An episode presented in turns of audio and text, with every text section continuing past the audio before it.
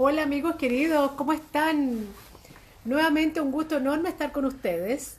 Hoy día vamos a tocar un tema precioso eh, que se refiere a la lactancia materna. La lactancia materna tiene muchos ribetes, eh, son todos muy interesantes, eh, porque además, sobre todo para nosotras las mujeres, cuando nos enfrentamos a la situación de la lactancia, para mí ya pasó hace bastante rato, mi hija está en ese, en ese proceso, suceden muchas cosas, suceden cosas en la actualidad y suceden cosas que uno eh, eh, información que uno puede tener para el futuro. Y para eso hoy día vamos a estar con la doctora Paola Rodríguez, ella es médico, em, ella tiene una amplia formación en medicina familiar, médico bioreguladora, medicina funcional y además ella es asesora internacional de lactancia materna y eh, trabaja en el CESFAM de La Legua. Ella realmente, siempre que conversamos con Paola, ella es una apasionada de la lactancia materna eh, y además tiene mucha experiencia. Así que no esperemos más, vamos a invitar a Paola. Eh, estamos unos minutitos aquí a la espera. Ya va a llegar Paola. Bueno, yo les voy, a, les voy a adelantar que este live eh, lo hemos preparado pensando en eh, contarles el, mundo más amplio eh, que es la lactancia materna y la masticación en relación a todo el desarrollo de la boca, porque eh, esto de que salen los dientes, de que uno tiene una masticación determinada o una mordida, nosotros los dentistas la llamamos oclusión determinada, pensamos que es como que está todo determinado genéticamente, que si la mamá muerde así, el niño va a morder así, eh, y si, si, la mamá o el papá tienen una, eh, alguna eh, anomalía en su, en, su, en su mordida, los niños necesariamente la van a heredar. No necesariamente es así, porque a veces la herencia uno la puede, uno la puede guiar. Y una de las formas de guiar esa herencia, entre comillas, por así decirlo, es cautelar la lactancia materna exclusiva, idealmente. Cuando no se puede, ya vamos a hablar con Paola aquí cuáles son las estrategias a las que podemos acudir cuando no se puede hacer la lactancia materna. Eh, también un tema muy importante que, eh, que, aprendamos a no confundir el apego, que para nosotros las mamás es tremendamente importante. Nosotros necesitamos no fallar en el apego. A lo mejor la lactancia materna exclusiva no va a funcionar, pero el apego se puede trabajar igual. Eh, y lo, que pueda suceder con la dentadura de los niños en el futuro también tiene formas de prevenirse cuando no se puede.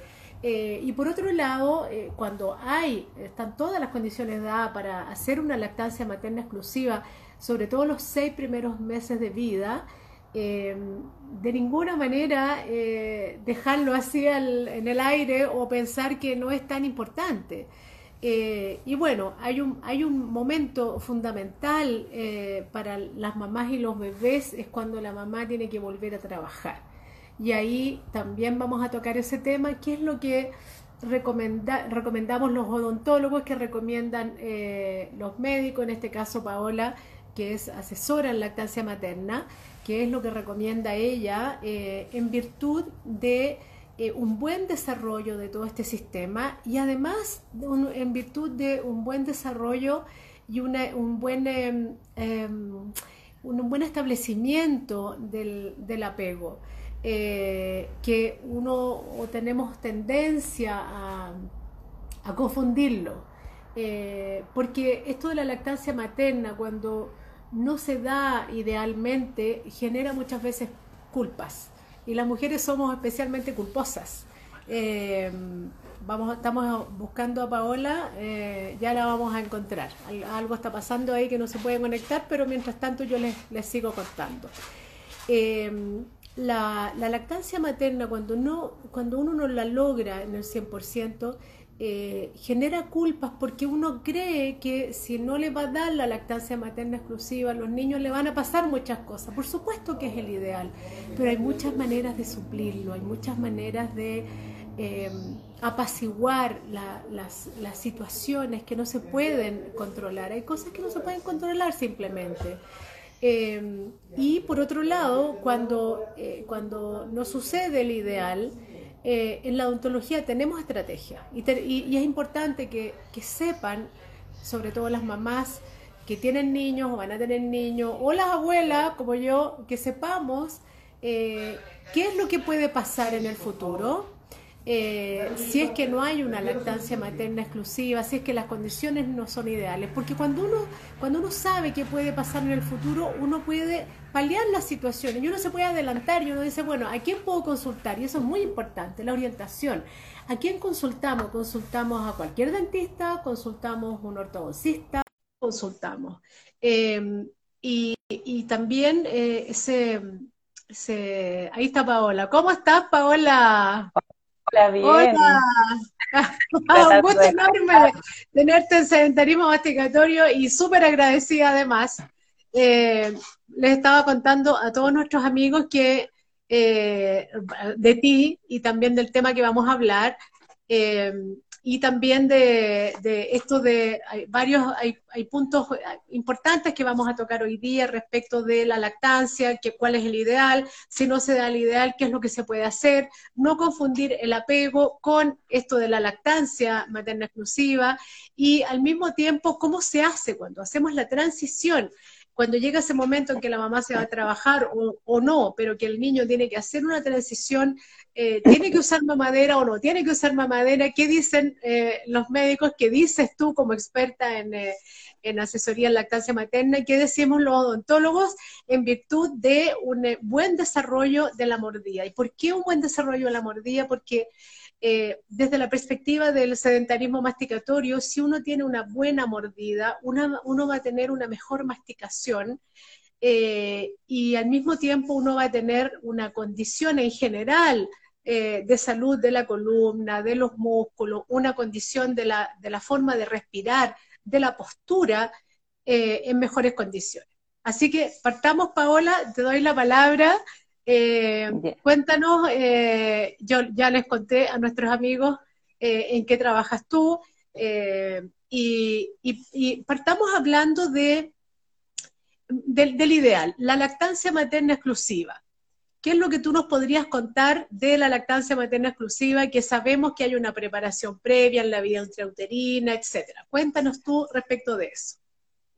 Ya, bueno, primero que nada, muchas gracias Paulina por invitarme. Eh, estoy muy contenta porque es un tema que poco se habla, el tema de la lactancia y la parte odontológica, ¿verdad? Em, yo, yo trabajo, bueno, yo trabajo en un CESFAM y trabajo de forma particular y en mi CESFAM trabajamos desde el 2014. Eh, con todo el equipo de salud y tratando de que todos estén muy compensados con la lactancia para así poder, porque es una tarea de todos, todos tenemos que estar ahí apoyando a las mamás. Eso es lo primero, una tarea de todos. Exacto. Y dentro de, esta, de estas capacitaciones que hemos hecho a todo el personal, eh, ahí aprendí también de los odontólogos eh, la importancia de la lactancia para todo el desarrollo de la, de, la musculatura orofacial, ¿verdad? De los músculos masticatorios, ¿verdad? De la correcta mordida. Entonces, es, un tema muy importante y sobre todo eh, cómo, es, cómo va a afectar al, posterior desarrollo de, la vida de la persona, ¿verdad?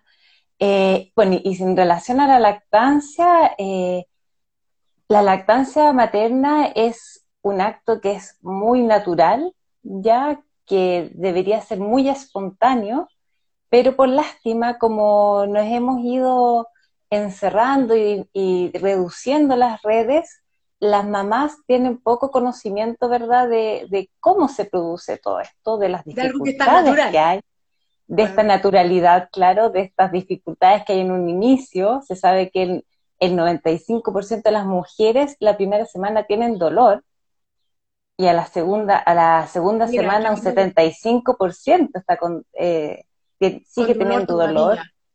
Entonces esto de que la lactancia no duele no es tan, no es tan así, eh, pero obviamente se pueden hacer muchas cosas para ah, lograr que esta, este, este dolor inicial sea por un corto periodo de tiempo eh, y que no produzca daño en el pezón, ¿verdad? Y para eso es fundamental, fundamental eh, ir enseñando y acompañando a las mamás en cómo el bebé se acopla al pecho. Bien, entonces tenemos, una, tenemos una primera fase en la que eh, eh, se puede hacer una prevención respecto de este dolor que lo tienen la mayoría de las mujeres, eh, de manera que no vayan a no vayan a, limitar esta lactancia materna por el dolor que ya sabemos entonces que este dolor normalmente va pasando. Entonces ahí ya tenemos un, punto importante. Respecto de la, de la voy, a, voy a ir un poquitito más atrás por un instante. ¿Qué nos puedes decir respecto de, del desarrollo intrauterino, de esta, de esta misma preparación desde la perspectiva del bebé? Porque esta es la perspectiva de la mamá. Prepara, prepara su terreno, eh, las mamas, en fin, etcétera. El bebé, ¿cómo se prepara para esta lactancia? Bueno, el bebé empieza a prepararse para la lactancia desde que está en el útero. Eh, ya a las 16 semanas de gestación empieza a producirse la deglución del líquido amniótico y empieza a aprender a deglutir, ¿verdad? Y ya por ahí, por las 20, 22 semanas, empieza a succionar y succiona, eh, que es como son sus primeros como aproximaciones a, a, lo que va a ser la succión al pecho materno, ¿verdad? Y ahí puede succionar el cordón umbilical, hay succión del dedo también, que es algo que es fisiológico también los primeros meses de vida, ¿verdad? Y ya a las 32 semanas eh, se produce la coordinación entre la, la deglución y la succión, ¿ya? Que también es un acto que es muy importante durante la lactancia, sobre todo es importante tenerlo como muy en cuenta en niños que nacen prematuros, porque no van a tener esta coordinación entre la succión y la deglución. Entonces ahí también hay que como hay que apoyar más a estos niñitos y estar como hay que eh, hay que comprender que eso que tú estás describiendo, eh, si bien sucede, mm, se ve en las ecografías, incluso hay gemelos que, que se lamen entre ellos. Em, hay que comprender que esto significa desarrollo cerebral, desarrollo neurológico. Es el cerebro también que está preparándose con estas redes neuronales para que suceda esta, esta, esta sincronía, ¿no es cierto? Ahora volvamos nuevamente, ya sabemos que el bebé se prepara, se prepara la mamá. ¿Qué viene después? Cuando nace el bebé eh, y viene todo este mundo de eh, ya, ya pasamos esta etapa, la mamá aprendió que el dolor puede pasar, en fin. ¿Qué viene después? Eh, ¿Cuál en tu experiencia la lactancia materna es en un gran porcentaje exitosa en un 100%? ¿No lo es? Eh, y, después pasamos a la siguiente pregunta de qué hacemos en caso de que no lo sea. Eh, bueno, un poquito antes es súper importante el momento del parto, ya para, lograr una buena lactancia, ya eh, durante el parto, el parto obviamente idealmente tiene que ser vaginal, ya porque eso va a hacer que el bebé nazca despierto, estimulado, con toda esa oxitocina que se produce durante el parto, eso hace que el, bebé eh, nazca despierto y con fuerza, ¿no? Como puede pasar a veces en la cesárea, que hay veces que nacen la guagua meas dormida, ¿de dónde me sacan estas luces, verdad? Eh, y ahí es muy importante este primer momento de piel con piel, que se, recomienda que sea media hora mínimo, ojalá no dos horas, para que el bebé eh, pueda tener este primer contacto estando despierto con el pecho de la mamá. Y ahí, bueno, ahí, ahí eh, se sabe de que esta línea parda que se produce en la mujer, que es como una línea que se produce en la guatita y que llega hasta el pecho, que el pecho aumenta el color oscuro, ¿verdad? Eh, su pigmentación, es para guiar al bebé que va saliendo de, de la vagina para que suba por la guatita de la mamá y llegue hasta el pecho. claro. Exacto, y si que uno lo si se permitiese eso en las maternidades, si se, si se diese ese tiempo, eso es una impronta en el cerebro del bebé para lograr un acople muy, muy sano y muy fisiológico. Sí. Esos son como eh, los partos súper respetuosos. Eh, Eh, y bueno, idealmente... Bueno, ya, yo, yo tuve mis hijos por cesárea, eh, pero también se puede, también se puede, nacen y te lo ponen al pecho y es importante tener en cuenta eso, que, que si, si no se logra un parto vaginal, que es lo ideal por, por miles de motivos, eh, al menos que haya ese contacto piel con piel posterior a eso. ¿Ya? Y, bueno, eso también depende mucho del equipo con el que tú estés, eh, te estés preparando para el parto. Pero, pero bueno, es información eh, para que muchas mujeres que nos puedan estar escuchando eh, busquen su equipo, un equipo que, tenga esta, esta mirada, ¿no es cierto?, respecto de, del nacimiento y de la lactancia. Ya, y después. Y después, cuando ya el bebé nace, ¿verdad? Se produce se produce esta, esta acople de la boca del bebé con, la mama, ¿verdad? Y ese, ese acople, cuando es realizado de forma adecuada, hace que se estimulen todos los músculos maceteros y temporales, los músculos más laterales, ¿verdad? Eh, es, un movimiento muy importante, ¿verdad? Eh, en que el, niño está como, es, casi una es la actividad física del recién nacido, ¿verdad? Es la eh, actividad, que es, una, es esencialmente muscular, porque te voy a interrumpir aquí, los bebés cuando nacen y durante un tiempo no tienen articulación. No, no como nosotros que abrimos, cerramos, movemos la mandíbula de un lado para otro, los bebés no tienen esta articulación. La van formando a medida que van creciendo, pero no tienen esta articulación. Entonces ese trabajo que dice Paola, lo hacen con la musculatura. Es un trabajo muscular, es como la maratón que hacen todos los días. Exactamente. Entonces, muy importante que ese bebé esté cómodo, que esté en una buena posición, que la mamá esté cómoda, muy cómoda dando pecho, ¿verdad? Eh, para que se produzca toda esa sincronía en que el bebé pueda, pueda acoplarse, lograr hacer este movimiento con la lengua, porque hacen un movimiento con la lengua en que masajean la base del pezón, ¿verdad? Y eso, y con la succión, hacen que empiece a salir, a salir, a salir la leche. Y al mismo tiempo, ese mismo movimiento eh, eh, con, eh, con, el pezón de la mamá hace que se vaya desarrollando el paladar y el movimiento que hacen permite que se vaya desarrollando la articulación, lo que lo va a preparar para la futura masticación. Eh, Exactamente, y de hecho se ha visto en relación un poco al, nombre de esta, de esta reunión nuestra del desarrollo cerebral, se ha visto que los niños con lactancia materna tienen un mayor desarrollo de coeficiente intelectual.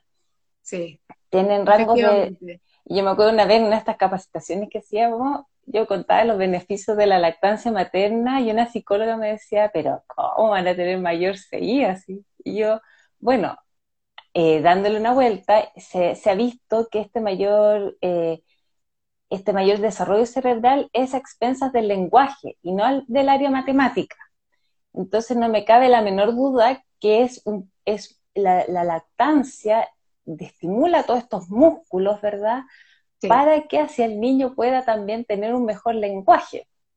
Son los músculos, efectivamente son los músculos, porque posteriormente, cuando ya tenemos dientes, los niños, los adultos, cada vez que masticamos, la naturaleza siempre aprovecha al máximo el, esfuerzo que hace. Si va a gastar energía, aprovecha eh, ese gasto en una serie de funciones.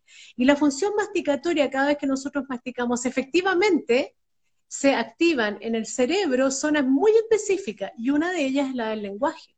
Lenguaje, memoria y aprendizaje. Cada vez que masticamos a lo largo de toda la vida, no solo mientras desarrollamos el cerebro eh, cuando somos niños, bebés, sino eh, también cuando somos adultos. Y en, ratas se han, visto, se han hecho experimentos en los que en, en humanos no se pueden hacer. Cuando no se les permite esto, eh, las neuronas empiezan a morir. O sea, no solo no funcionan, sino que además se les mueren neuronas. Entonces, lo que tú estás diciendo es absolutamente coherente con esta, con este, e, esta previa de la, de la masticación que es la lactancia. Ahora, a medida que vamos avanzando, esta, esta lactancia que sea, eh, materna ideal que se ha instalado, eh, que para nosotros los odontólogos es muy importante para un buen desarrollo de la, de la mordida, porque el buen desarrollo de la mordida va a garantizar bastante, no en un 100%, pero eh, permite eh, garantizar bastante una buena postura, una buena, una buena respiración y bueno, una buena mordida, oclusión, en fin. Eh, efectivamente pasa que cuando las oclusiones no son adecuadas, hay mordidas cruzadas, mordidas abiertas, eh, se ha visto que hay una, esta irrigación y esta estimulación cerebral no es tan efectiva. Por eso es que después vienen todos los, ahora ya trasladémonos a la odontología, vienen los tratamientos odontológicos tendientes a mejorar las situaciones que no quedaron bien por el motivo que sea. Eh, una vez que ya estamos en este proceso, eh, puede que la lactancia materna por diversos motivos no dure el tiempo que nosotros queremos que dure. Eh, cuál, es tu experiencia al respecto?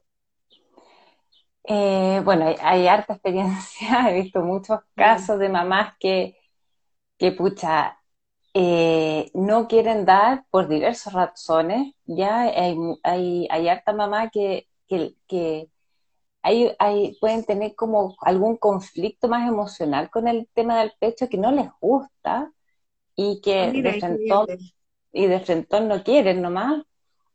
Ya hay otras mamás que quieren, pero están, es tanto el estrés de ser mamá, de cómo pongo la guagua, de, de dejar de existir uno como mujer, porque cuando uno tiene una guagua, eh, pasa uno deja de existir y pasa a ser el bebé y pasa... Claro, una prolongación del bebé.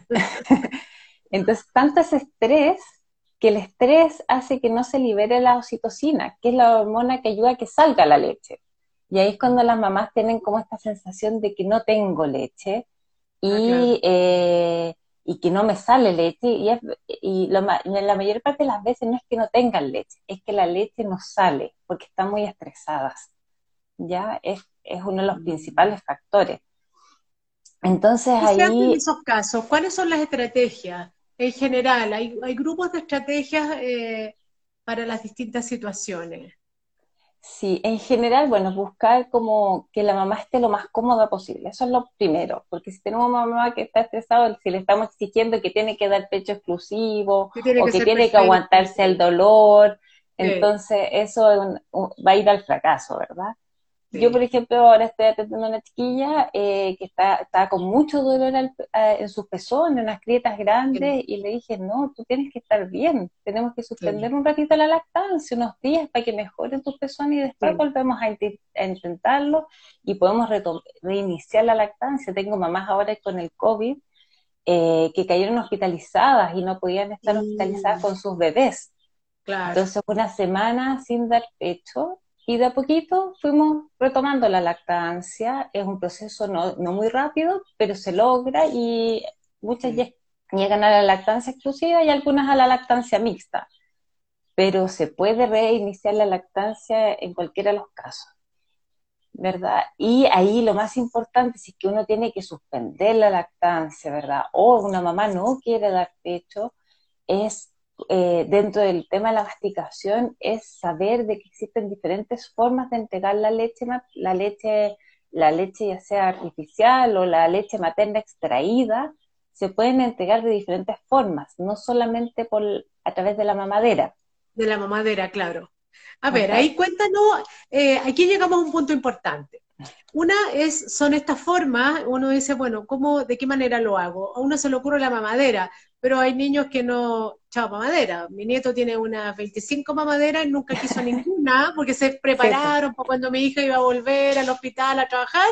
Eh, se prepararon una, dos, la tres. Yo creo que son 25 tranquilamente, desde la más simple hasta la más sofisticada, la sónica que viene de Marte, y nada, él nunca ha tomado ni una mamadera. Y eh, entonces encontraron algunas otras estrategias eh, entonces, está por un lado la estrategia, ahí está el punto, lo vas a conversar tú, y luego vamos a hablar de, eh, vamos a diferenciar esto de, la, de las estrategias, donde al medio está, o, en dentro de un círculo está la culpa, que las mujeres somos expertas en eso, y el apego.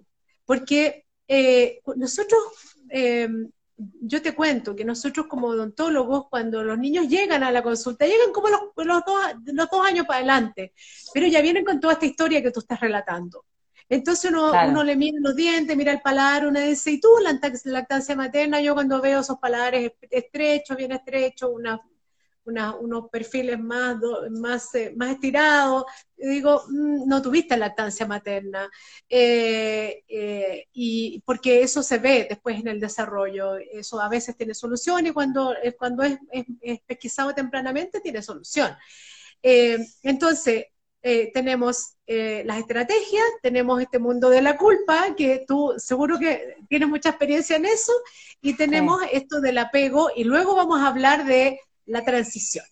Cuéntanos entonces, las eh, estrategias. las estrategias. Bueno, lo primero es que si son muy chiquititos, tener súper presente de que la cantidad de leche o el calostro, que es lo primero que se produce los tres primeros días, ¿verdad? Es una cantidad muy pequeñita. El estómago del bebé es muy pequeñito. Y entonces ese calostro se puede extraer haciendo la compresión de la mama, ¿verdad? Y se puede, con alguien que está ahí, se puede recibir primer, a ver, ahí, con una cucharita. Una cucharita. Con una cucharita plástica típica de cumpleaños, que la gracia que tiene es que son bien profundas. Y con esa misma cucharita uno puede entregarle esa leche al bebé. Siempre con la precaución de que tiene que ser algo lento. Ya no es algo, no es, bueno, y la mamadera, si es que una ligera dar con mamadera también debería ser un proceso lento. ¿Ya? Yo, yo solo por preguntar y por ampliar esa información, el gotario, si, si, no funciona eso, y tengo un gotario al lado, ¿puedo sacar con el gotario de la, de la cuchara? ¿Puede ser? Sí, y de hecho también se describe el usar las sondas periodontales, como tienen ese, esa curvita, sí. también muy útil, pero no sé dónde se compran. bueno, ustedes le piden a su dentista amigo que les convide una. una sonda periodontal, claro. Mi dentista amigo. sí, pero sí se puede, ¿ya? Y la idea es como eh, colocarlo bajo, en el lado inferior, y el bebé solito va a tender a sacar la lengua. estimular el labio. Eso es sensorialidad. Exacto. Eso es sensorialidad que el labio, mucho los vivos, sí y va a solito sacar la lengua y llevar un poquitito de la leche. y eso, es un proceso lento. ¿ya? De hecho, si es que uno quisiera probarlo uno como adulto, uno puede pedirle a otro adulto que le, dé, que le coloque un vaso de agua aquí en los labios y, y darle de a poquititos. Y uno tiene como el reflejo de como que se llena la parte anterior de la boca y tienda a deglutirlo. Eso es lo mismo que le pasa lo que estás diciendo, porque a lo mejor las mamás estarían más tranquilas si probaran ellas mismas esta, esta forma. Eh, estarían más tranquilas. Así que sugerencia, amigas, sugerencia, pueden probarlo, pruébenlo, porque la sensorialidad eh, humana está en todos, así que es súper buena sugerencia. ¿Qué otra, ¿qué otra mm, estrategia tenemos? Entonces está la, cucharita, está el gotario también que uno puede ir dejando caer gotitas de leche, ¿verdad? Eh, después está el vasito. Y ahí son útiles las mamaderas. Mira, yo acá tengo también una mamadera. Ya. Bien. Estamos preparados. sí, tengo todas las cosas. Y la tapita de la mamadera es muy buena para. La mamadera, ya. ¿Verdad? Porque es un vasito que no es muy grande, ¿verdad? Y lo mismo, se apoya en el lado inferior y el, y el bebé va con la lengüita. le queda ahí un poquito la leche. Exacto. Es un proceso lento, no es rápido. Y, insisto, con la mamadera también tienes que ser lento. Sea, si llegan al, equipo, porque uno puede mezclar también los, los métodos, no es necesario que siempre sea, nunca siempre sea cucharitos, siempre sea vasito, sino que también de repente puede ser la mamadera y es bueno irlos rotando para que el bebé no se acostumbre a uno. Sobre todo el chupete de la mamadera, claro. Sobre todo el chupete de la mamadera. Ya, que los dentistas eh, quisiéramos que no se acostumbraran al chupete de la mamadera. Exacto. Para la lactancia eh, sí se recomienda, en caso de que la mamá esté muy estresada, ¿verdad? Como para no generarle más tensión, pero como dices tú, al final las guaguas muchas no les gusta, no reciben la mamadera.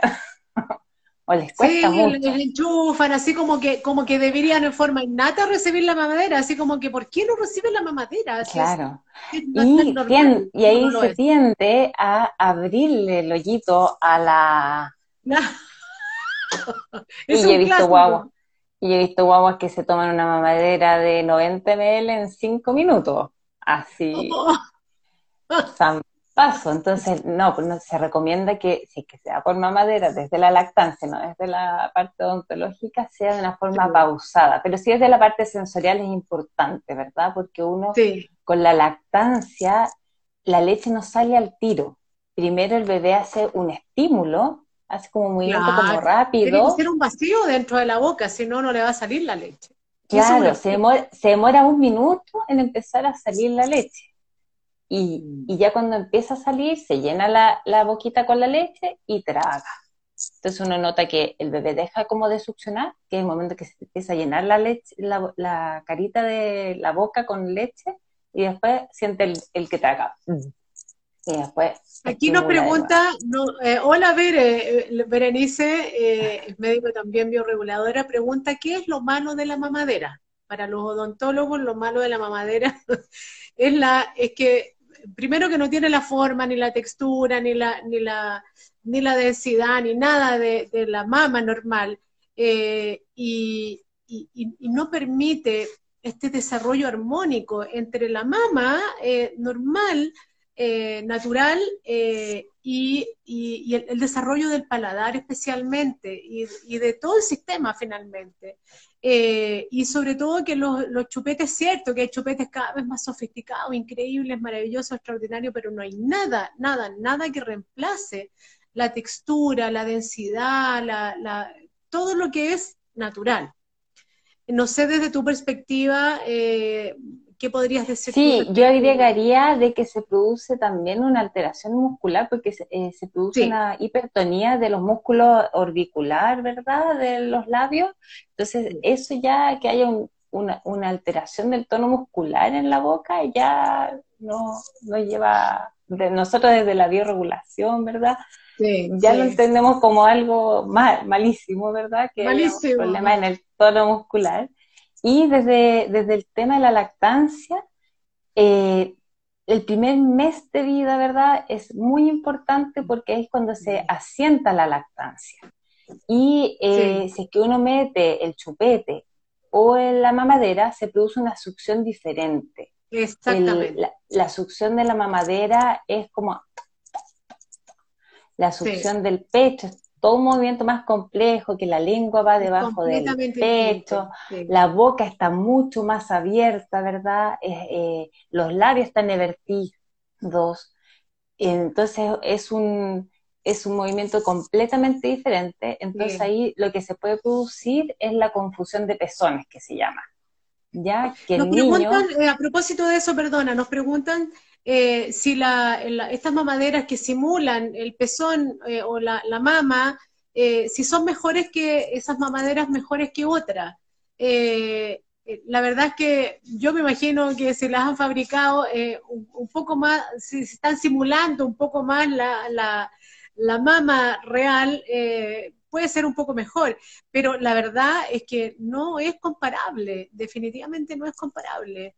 Perdona, y también nos preguntan hasta cuándo se recomienda la lactancia materna exclusiva. Bueno, ahí vamos a comentar los dentistas siempre decimos, y los estudios que se han hecho respecto de, respecto de lo que nos, a nosotros nos importa en el futuro, que son las anomalías dentomaxilares, dientes chuecos, eh, paladares, qué sé yo, que son pequeños, en fin, etcétera. Varias cosas que vamos a hablar después en otro live con el doctor José Urtubia. Eh, al menos lactancia materna exclusiva hasta los seis meses. Y desde el punto de vista de la nutrición y de la alimentación, ya a partir de los seis meses, y eso tú nos vas a corroborar, eh, por lo menos nosotros los odontólogos recomendamos eso, a partir de los seis meses ya empieza a haber, tiene que haber un entrenamiento un poquito más acucioso respecto a la masticación. Eh, y ahí vamos a hablar luego de, cómo es esta transición. Eh, perdona, sigue nomás, eh, Paulita.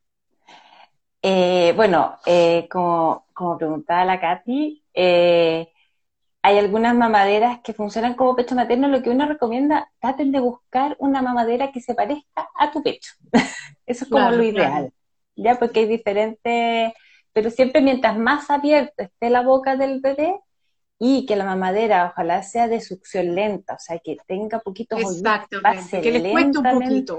Que les cueste, eso es como en el caso de la lactancia que sería como lo ideal, ¿verdad? Y siempre ojalá no el primer mes de vida porque puede producir esta confusión de pezón, entonces después el bebé se va a acoplar al, al pecho como si fuera mamadera y ahí puede generar grieta o puede no succionar de forma eficiente y que no le va a salir leche, no se va a estimular el pecho porque la principal forma que se produzca leche en el pecho es que haya succión. Si no hay succión no se produce leche o si hay una succión inefectiva. Claro, significa que el primer mes hay todo un desarrollo, vuelvo nuevamente, un desarrollo neurosensorial que hace que el bebé distinga, pueda distinguir claramente entre el pecho materno real y una mamadera que puede ser un sustituto. En honor al tiempo voy a ir avanzando con los temas. Eh, eh, hablamos, entonces vamos, vamos a poner un círculo que se llama culpa entre esto que estamos hablando y la em, eh, y hablamos de la, de, la, de estas estrategias distintas eh, y de lo que viene después, eh, que habíamos mencionado en, esto de, de, la culpa que genera, porque hay una, hay eh, una confusión entre, entre esta cosa que es más la técnica y el apego. A ver qué nos puedes contar, Paulita, respecto de eso, porque evidentemente hay situaciones en las que hay mamás que no pueden dar de mamá, no pueden, los niños no pueden tener lactancia materna exclusiva, cómo, eh, cómo hacer eh, o si realmente estas cosas están separadas o no. Ya, eh, importante con respecto al apego, que el apego no es algo que se produce en un momento, sino que es, es un proceso que va, que un continuo que va llevando al niño a que se sienta seguro, ¿ya? que, se sienta seguro en este mundo. Eso es, lo importante de desarrollar este apego sano, y lo más importante para el apego, más que dar pecho, es estar disponible. Ya una, una madre, un padre o la figura de apego que haya, lo importante es que esté disponible. Entonces, yo puedo dar pecho a mi bebé sin mirarlo, sin hablarle, mirando el celular, mirando una película, hablando por teléfono, y no voy a estar teniendo una instancia de comunicación con mi hijo. En cambio, puedo darle una mamadera, observando, ¿verdad?, las señales de cuando está satisfecho, no, no metiendo la leche a, chorro, sino que mirando hasta cuándo quiere tomar eh, la leche y ir respetando esas señales. Entonces, eso es lo que va a llevar a, un buen apego. Es, es, todo un proceso de disponibilidad, de que cuando llora, cómo lo tomo en brazo, cómo le hablo, ¿verdad? Y bueno, eh, obviamente que la lactancia es un momento eh, óptimo para practicar este apego, ¿verdad? Muy óptimo, claro. Porque están apegados.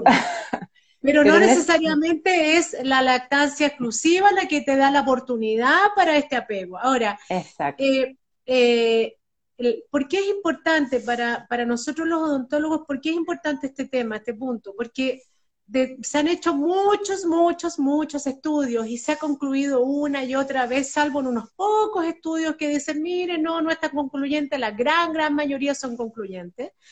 Y es que los niños que no tienen lactancia materna exclusiva, hay un cierto porcentaje de, de estos niños que tienen más posibilidades, no son todos los niños, cierto porcentaje de estos niños que tienen más probabilidades de, desarrollar después hábitos parafuncionales nocivos. ¿Qué significa esto? Significa que después se van a chupar el dedo, van a chupar el tuto, van a chupar el chupete, más allá del tiempo permitido, lo que va a producir una, una, mala formación de, este macizo, de, la musculatura, de lo, sobre todo el paladar, y los dientes pues no van a caber. Eh, pero pero eso no va ligado necesariamente al tema del apego. A eso iba eh, este punto, porque en la ontología es bastante tajante esto de que si eh, es, el ideal es que los, bebés tengan una lactancia materna exclusiva, mínimo seis meses, entre seis y nueve meses, de manera que tengan menos probabilidades de desarrollar estos malos hábitos, eh, que yo de veras pienso que por un lado, eh, hay que entender que estos hábitos se pueden desarrollar por situaciones más bien emocionales que, de necesidad física. Eh, y uno entra a las tiendas eh, de guagua y hay, hay, paredes completas de tutos preciosos, pero el tuto es un, es un sustituto que, a lo mejor puede estar muy bien indicado. Yo no quiero decir en este caso que esté mal indicado y que los niños no deben tener tuto, ni chupete, ni nada. Hay niños que si realmente lo necesitan, deben tenerlo, porque es más importante a veces el, tema afectivo o emocional que lo que vaya a pasar después con los dientes, que también tiene solución y se puede prevenir. Así que no es grave, pero pero uno dice, bueno, ¿cómo lo puedo hacer mejor de, esta manera? ¿Qué nos podrías decir tú respecto de eso? Bueno, eh, se relaciona mucho con lo que está preguntando aquí Dolce, que dice, ¿cómo estar segura si de verdad tiene hambre o solo quiere regalonear? Claro. ¿Verdad? Entonces, se relaciona mucho con eso, ¿verdad? Eh, los bebés se habla que tienen una succión nutritiva, que es cuando se alimentan con la leche, y una succión no nutritiva, que me, no me gusta a mí ese nombre porque en realidad... en odontología se usa mucho esto, claro. sí, eh, esa succión no nutritiva eh, lo que hace es ayudar al desarrollo psicoemocional del bebé. Ya eh, cuando el bebé está en el, en el como hablábamos, en el, en el útero, está succionando y succiona su dedo y succiona el cordón umbilical, ya, y ese es su ambiente conocido. Y después sale a este mundo con ruido, con luces, con gente. El mundo. Claro. Y a veces entonces, una mamá asustada que no sabe qué hacer también. Claro, entonces eh, es, todo, es todo un cambio muy brusco. De hecho, se habla que los primeros tres meses de vida es un periodo de extorogestación, que uno debería tener al bebé, ojalá, lo más guardadito posible. Y en eso ha sido algo bueno la pandemia para esos bebés que han nacido porque han estado como menos estimulados. Eh, y ahí es cuando aparece esta succión no nutritiva, ya que es cuando, lo que pregunta aquí, ¿cómo estoy segura si de verdad tiene hambre o solo quiere regalonear? Eh, ese regaloneo de que se quedan a veces pegaditos en el pecho es porque eso le está, le está dando esa seguridad interna de que este, de que este mundo es seguro. Lo ha estado devolviendo al útero, ¿verdad? Y, le, y genera en el interior del niño esa seguridad. Entonces es muy importante.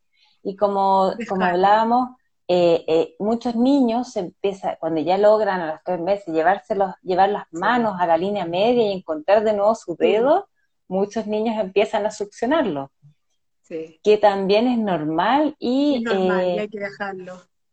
Hay que dejarlo, se ha visto que eso, ese hábito, en la medida que van van recibiendo esta seguridad de otras maneras de, las de los papás, que los papás también tienen que aprender a dar esa seguridad, ¿verdad? Eh, en la medida que se va produciendo ese proceso, los niños deberían ir soltando solito el dedo, ¿ya? Y ya al año de edad no chuparse el dedo. Si es que ya más allá del año de edad, ahí hay que mirar eh, qué puede Poner atención. porque, ¿Qué está pasando? Claro, porque no siempre uno tiene una vida ideal. Eh, nuestro país, eh, nuestra ciudad es una ciudad muy estresante, Sí, muy estresante.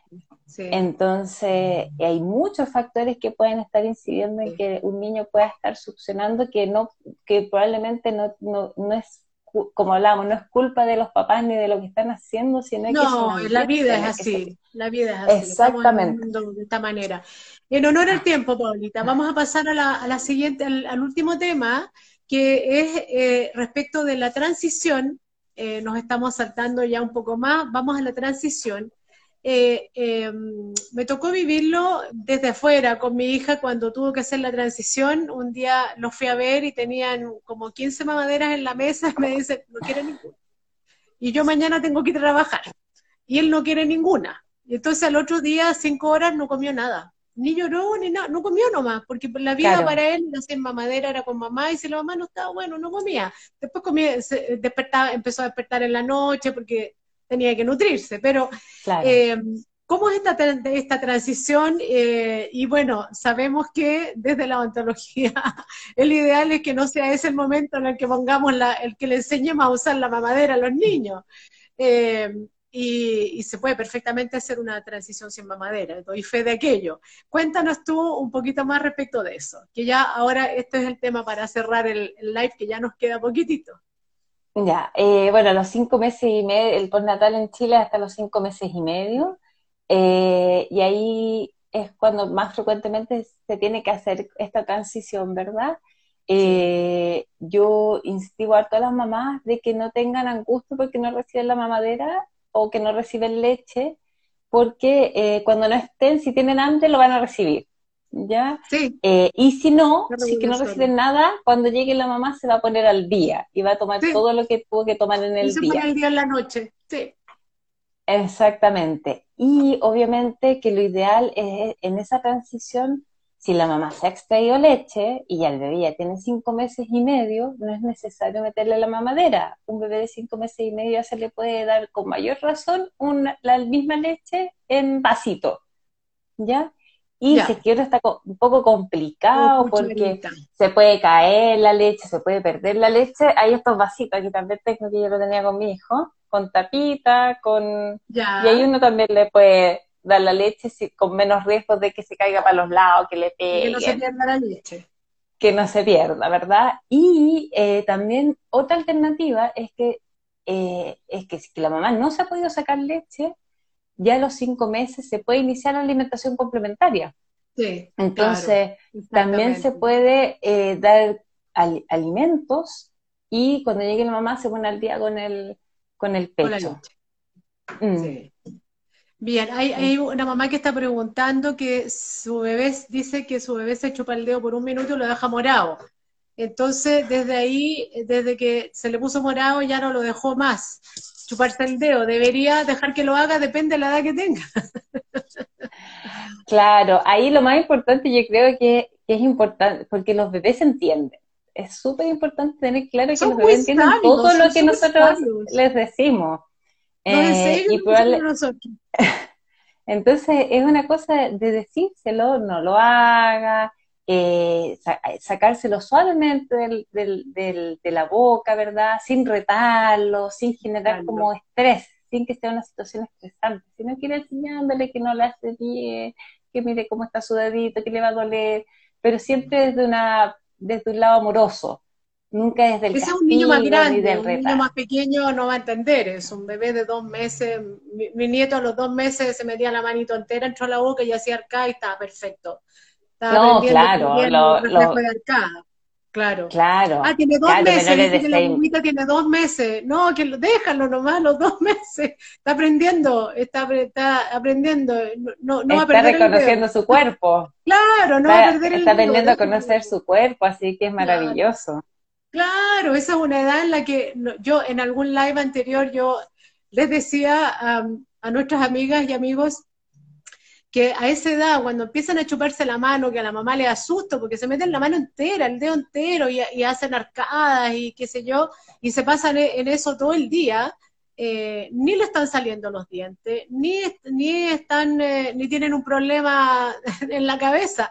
Es normal, así debe ser. Están aprendiendo, Claro. están entrenando su sistema, están reconociendo su cuerpo y sus posibilidades y están reconociendo cuáles son sus límites. Hasta aquí llega la garganta, si no me va a dar arcada, porque si, si no aprenden el reflejo de arcada cuando empiezan a comer alimentos, se van a atorar mal en vez de atorarse bien. Eh, Claro. Así que no hay que preocuparse por eso. Eh, entonces, Paulita, bueno, ya estamos en hora de cerrar. Yo te quiero dar las gracias, eh, realmente, porque este es un tema que nos va a dar para un montón de live más, realmente, porque es interminable y es, Sí. eh, está lleno de dudas, lleno de, lleno de, de, eh, de culpas también, lo que, lo que habíamos eh, dicho en antes. Eh, y que a veces yo siempre escucho mamás que me dicen, sí, es que si yo hubiera hecho tal cosa cuando, o yo hubiera sabido, eh, aquí la culpa hay que dejarla de lado, en algún minuto vamos a tocar ese tema más profundamente, pero sobre todo, si tenemos la información, busquemos orientación. Busquemos orientación. Mm. Ahora ya conocen a Paola, a la, ¿dónde te pueden contactar, Paola? Porque van a haber muchas mamás que te quieran contactar. Sí, en mi, en mi Instagram está mi cuenta de Calendly y ahí aparece la, dónde pedir hora, Ahí están eh, ahí está mi mail, ¿verdad? Así que ahí me pueden contactar lo más fácil. Bien. Eh, Y en general, ah, y lo otro es que la asesoría en lactancia yo, yo las puedo hacer o por, por teleconsulta o también en domicilio. Ya que es como lo ideal hacerlo en domicilio porque ahí uno agarra todo. Pues. muchos detalles que se ven en, la casa. Sí, en la casa. Eh, y bueno, yo siempre le dejo a mis invitados en el, minuto, un minutito, un mensaje. ¿Cuál sería tu mensaje al final de este, de este live eh, respecto de todo este tema que hemos hablado? Bueno, yo, mi, mi cruzada es, eh, es que las mamás sepan de que la lactancia no es una obligación, ya es un derecho que tienen y la lactancia tiene que ser velada por la sociedad, por el gobierno, ¿verdad? Eh, no por una, no que no sea una carga pesada. No solo ella sola. Exacto. Eh, la familia, se, gobierno. Se necesita una red de apoyo. Entonces, acordarse muchas mamás que, les cuesta pedir ayuda, eh, pedir ayuda, porque eh, es un periodo muy vulnerable, se, puede, se pueden, pueden haber depresiones y cuando la mamá está ahí en, en ese periodo posparto, con tantas dificultades entre la lactancia, que el bebé que llora, eh, necesita ese apoyo. Y si es que alguna, alguien de la familia, los amigos, ve que es esta puérpera, esta mamita que tuvo agüita, no la ven bien de ánimo, ayúdela y apóyenla para que busque ayuda. Ya, porque todo eso se puede tratar y se puede apoyar para que pueda estar bien. Ese es como mi mensaje. Sí, bueno, yo eh, creo que eh, el punto final es muy importante, no es una obligación, es un derecho. Y por otro mm. lado, para eso estamos los profesionales del área de la salud, que en la medida que nosotros tengamos información y en la medida en que nosotros como profesionales también integremos nuestras informaciones, tú trabajas con un equipo de salud.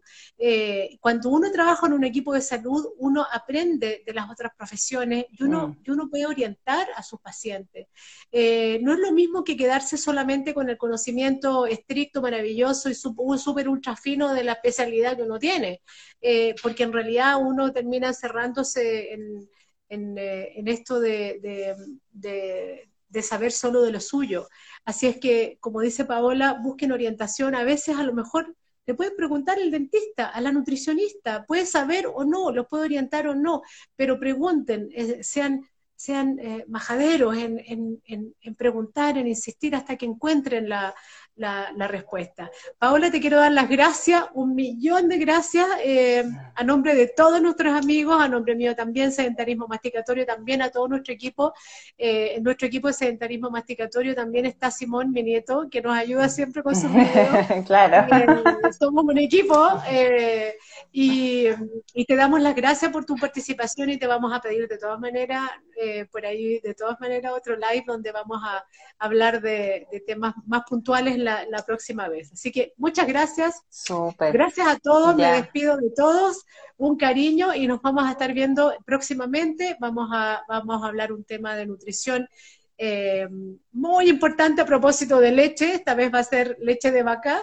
Eh, y también vamos a tener un live con el doctor José Urtubia que vamos a hablar de este mismo tema, pero desde la odontología y desde, desde, las, eh, desde los trastornos que se producen eh, cómo prevenir ciertas cosas y, de qué manera podemos orientar eh, a nuestro público eh, para que puedan tener una, una consultas precoces y no consultas tardías. Así que, Paulita, muchas gracias. Ya, muchas gracias, Paulina, por la invitación. Y muchas gracias a todos los que nos han seguido. Sí, gracias a todos los amigos de Centarismo Masticatorio. Un beso. pues, un beso, nos vemos. chao. chao.